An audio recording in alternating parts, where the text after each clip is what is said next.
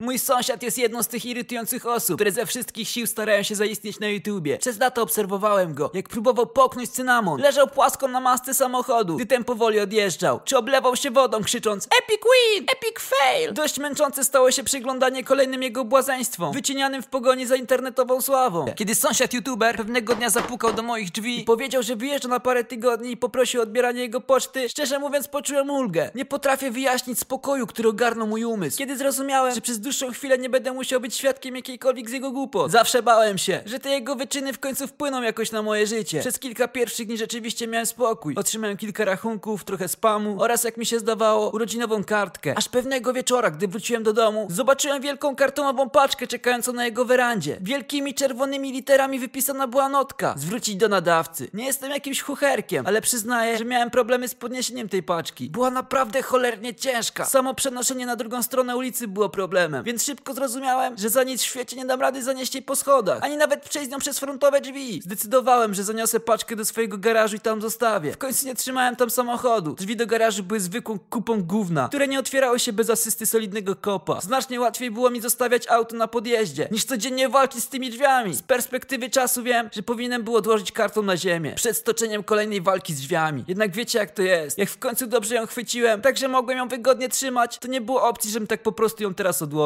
I w końcu, przy trzecim kopnięciu w te cholerne drzwi, straciłem równowagę i paczka spadła. Z cichym odgłosem, niechybnie zwiastującym pęknięcie czegoś w środku. Cholera, zakląłem. Miałem tylko nadzieję, że nie popsułem niczego ważnego. A zresztą, nawet jeśli, to i tak sąsiadowi nic nie powiem. Najwyżej obwinię kuriera. Z wolnymi rękami mogłem w końcu porać się z zardzewiałymi drzwiami. Nie uwierzycie, jak głośno one stękały w proteście. Przeciągnąłem pudło przez garaż i zostawiłem w kącie. Niech czeka na powrót sąsiada. Kiedykolwiek by to nie nastąpiło. I całkiem o nim zapomniałem. Co oczywiście zmieniło się po kilku dniach. Nie jestem pewien ile czasu minęło. Nim zapach przedostał się przez szparę pod drzwiami do domu. Ale działo się to powoli. Był to taki obrzydliwie słodki smród przypominający skunksa. Właśnie to wytłumaczenie przyjąłem. Gdy jeszcze przez kilka kolejnych dni męczyłem się z tym smrodem. Drogowe zabójstwo, które pozostawiło ślad na moim nieszczęsnym domu. Dopiero gdy uzmysłowiłem sobie, że smród narasta, nie zanika, postanowiłem poszukać jego źródła. Wtedy właśnie otworzyłem po raz pierwszy drzwi od garażu. I powalił mnie odór, wydobywający się ze środka. Sprawca nie był trudny do zidentyfikowania. Jedyną zmianą w moim garażu było to pudło w rogu. Od razu pomyślałem, że musiało być w środku jakieś zamówione przez sąsiada mięso, które będąc poza lodówką przez tyle czasu zaczęło po prostu gnić. Tylko ile musiało go tam być, skoro była tak cholernie ciężka. Półkrowy zamówił czy co? Zatkałem nos, wziąłem nożyce i podszedłem do paczki. Prawdopodobnie nie potrzebowałem tych nożyc, gdyż spód pudła rozmógł na tyle, że mogłem go z łatwością przebić palcem. Ale jakoś nie miałem ochoty wkładać go w gnijące mięso. Właśnie ten przegniły spód był powodem, dla którego zdecydowałem się otworzyć pudło, zamiast je po prostu wynieść. Mam wrażenie, że gdybym tylko spróbował je podnieść, cała zawartość natychmiast rozlałaby się po podłodze. Uznałem, że najlepiej będzie wyrzucać mięso po kawałku. Choć nie ukrywam, nie byłem z tego rozwiązania zadowolony. Moje nożyczki bez problemu przecięły taśmę, przyklejoną na górze paczki. Myślałem wtedy, że ten sprut nie może już być gorszy, ale gdy tylko otworzyłem tą przeklętą przesyłkę, zrozumiałem jak bardzo się mylę. Odkryłem zupełnie nową gamę smrodu. To było jak otwarcie rozgrzanego pieca, tylko zamiast fali gorąca spotkałem się z falą moczu, potu, gówna i rozkładu. Było to tak obrzydliwe, że cofnąłem się i zmusiłem do zżygania. Jako, że żołądek już podchodził mi do gardła. Nie sądziłem, że mógłbym wytrzymać ten smród w połączeniu z widokiem, który dopiero na mnie czekał. I nie wstydzę się tego, że musiałem wybiec na dwór pogoni za świeżym powietrzem. Smród był tak przytłaczający, że już po chwili wsiąkł we wszystkie moje rzeczy i odtąd nie odstąpywał mnie, jakby był moim cieniem. Próbowałem wszystkiego. Odświeżacza powietrza, masek, ale nawet trzy prysznice i zmiana ubrań nie pozbyła się tego odoru. Każda sekunda, podczas której to pudło leżało w moim garażu, była kolejną sekundą, którą wykorzystywał ten smród na przedostanie się do mojego domu. Nie miałem więc wyjścia. Wróciłem więc do garażu, widząc otwarte klapy paczki, jakby zachęcające mnie do zajrzenia przez nie. Podszedłem więc, dzierżąc w jednej ręce wór na śmieci, a w drugiej najsilniejsze środki czyszczące, jakie udało mi się znaleźć. Miałem też na sobie najdłuższe z możliwych gumowe rękawice, ale jak się okazało, nie potrzebowałem żadnej z tych rzeczy. Nie musiałem nawet dotykać, czy czyścić zawartości przesyłki, by zapewnić sobie koszmary, które od tego dnia miał nękać mnie już codziennie. Bo widzicie, gnijące mięso w pudle nie było ze świni czy krowy. Był to mój sąsiad, cały, wciąż w jednym kawałku. Zadzwoniłem po policję, zabrali mnie na przesłuchanie. Ciężko w końcu nie podejrzewać kolesia z trupem w garażu. Całe szczęście szybko doszli do wniosku, że nie miałem z tym nic wspólnego. Moje DNA mogło być na pudle. Smród gnijącego ciała mógł krążyć po całym moim domu, ale miałem jeden niepodważalny dowód, który przesądził o mojej niewinności. Kamera do vloga. Pokazali mi nagrany materiał. Nie wiem, czy to dozwolone, czy też aż tak mi współczuli, czy może pomyśleli, że niczemu to nie zaszkodzi. Tak czy owak obejrzałem go. Mój sąsiad siedział w środku pudła, gdzie śmiejąc się obwieszczał światu, jak to zamierza wysłać się pocztą przez granicę. Wziął ze sobą butelki, do których miał sikać, jedzenie, poduszkę i parę latarek. Jego znajomy, którego widziałem jak asystował mu przy swoich wyczynach, zamknął paczkę, okleił i przekazał do załadunku. Przez kilka kolejnych godzin, czy może nawet dni, nie jestem pewien, mój sąsiad nagrał kilka scen, podczas których starał się relacjonować swoją podróż. Słuchałem tak, jak tłumaczył, że teraz jest w jakimś wozie, bo czuje jak ten się porusza. Teraz na pewno jestem w magazynie. Całkiem tu ciepło. Wciąż mam dużo jedzenia. I tego typu bzdety. A potem w ostatniej scenie pudło obróciło się, a on skręcił karki, to był koniec. Kamera potem nagrywała jeszcze przez jakiś czas, aż padła jej bateria. Jest jednak coś, o czym nie mogę wspomnieć policji. O tym, co usłyszałem na nagraniu i co będzie mnie prześladowało do końca moich dni. Zaraz po chrzęście, który dobiegł ze skręconego karku mojego sąsiada, usłyszałem znajomy zgrzyt, wydobywający się ze starych, zardzewiałych drzwi mojego garażu.